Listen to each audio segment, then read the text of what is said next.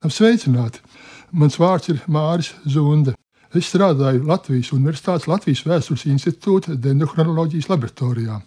Vai zini, ka dendrochronoloģija, kas nodarbojas ar koku gadsimtu datēšanu un tās raksturojošo parametru analīzi, dažkārt var kalpot arī tiesu ekspertīzē un pat arī kriminālistikā?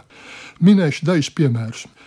Viens no salīdzinoši biežākajiem pārkāpumiem, kuru izmeklēšanas procesā tiek izmantot koksnes paraugu dendrochronoloģiskās analīzes rezultāti, ir atsevišķu koku vai pat koku audzes nelikumīga nociršana.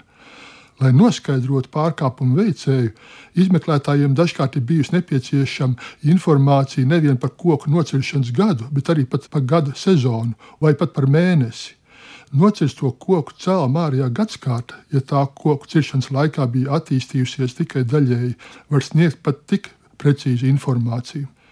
Koku gaskārts ir palīdzējuši arī noskaidrot laiku, kad mežā tika neatļauti izgāzt atkritumi, kur sastāvēja no vidēji kaitīgām vielām.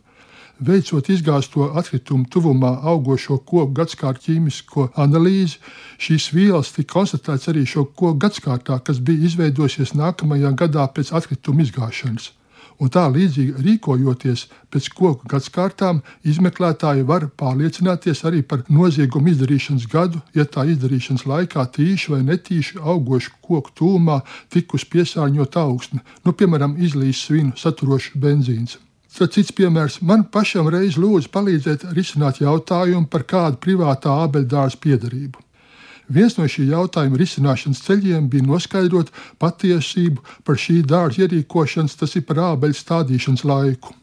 Pēc ābeļu vecuma noskaidrošanas jādomā, kļūst skaidrs, kura varbūt tajā dārza īpašnieka liecība par it kā vecāku stādīto dārzu bija patiesa un kura nepatiesa. Zinātniskajā literatūrā ir minēti arī piemēri par izmeklēšanas procesiem, kuros koku gadsimtās ietvertā informācija ir palīdzējusi atrisināt smagus noziegumus. Tā, piemēram, 1989. gadā Krievijas pilsētas Irkutskas prokurors lietas izmeklēšanā izmantoja dendrochronologa noskaidroto informāciju par kalendāro laiku, kurā kāds bandas locekļi mežā bija ierīkojuši ieroču slēptuvi. Turklāt turpat viens no viņiem, piešaujot kādu no mežā slēptajiem šaujamieročiem, bija savainojis koku stumbru. Pēc tā gadsimtām, nosakot ložu radīto brūces dzīšanas, tas ir apaugšanas laiku, to ilgumu, tika noteikts gads, kurā šāvieni bija izdarīti. Savukārt 2012. gadā Bostonas tūmā veikto zemes darbu laikā tika atklāts samērā sekli ierakts, bet ilgu laiku zemē nogulējušas kāda cilvēka mirstīgās atliekas ekskavātoru kauss tās bija iznīcinājis vēl vairāk, un rakšanas laikā sajauktajā zemē atrast liecības vai pazīmes, kas palīdzētu noskaidrot domājamā nozieguma izdarīšanas laiku, izsauktajiem policistiem uzreiz neizdevās. Taču ekskavātoru kauss bija nolauzis virs cilvēku mirstīgajām atliekām izauguši tūmā esošu kādu koku sakni un tās gadsimta skaits policistiem ļāva uzzināt to, ka noziegums bija noticis vismaz pirms 27 gadiem.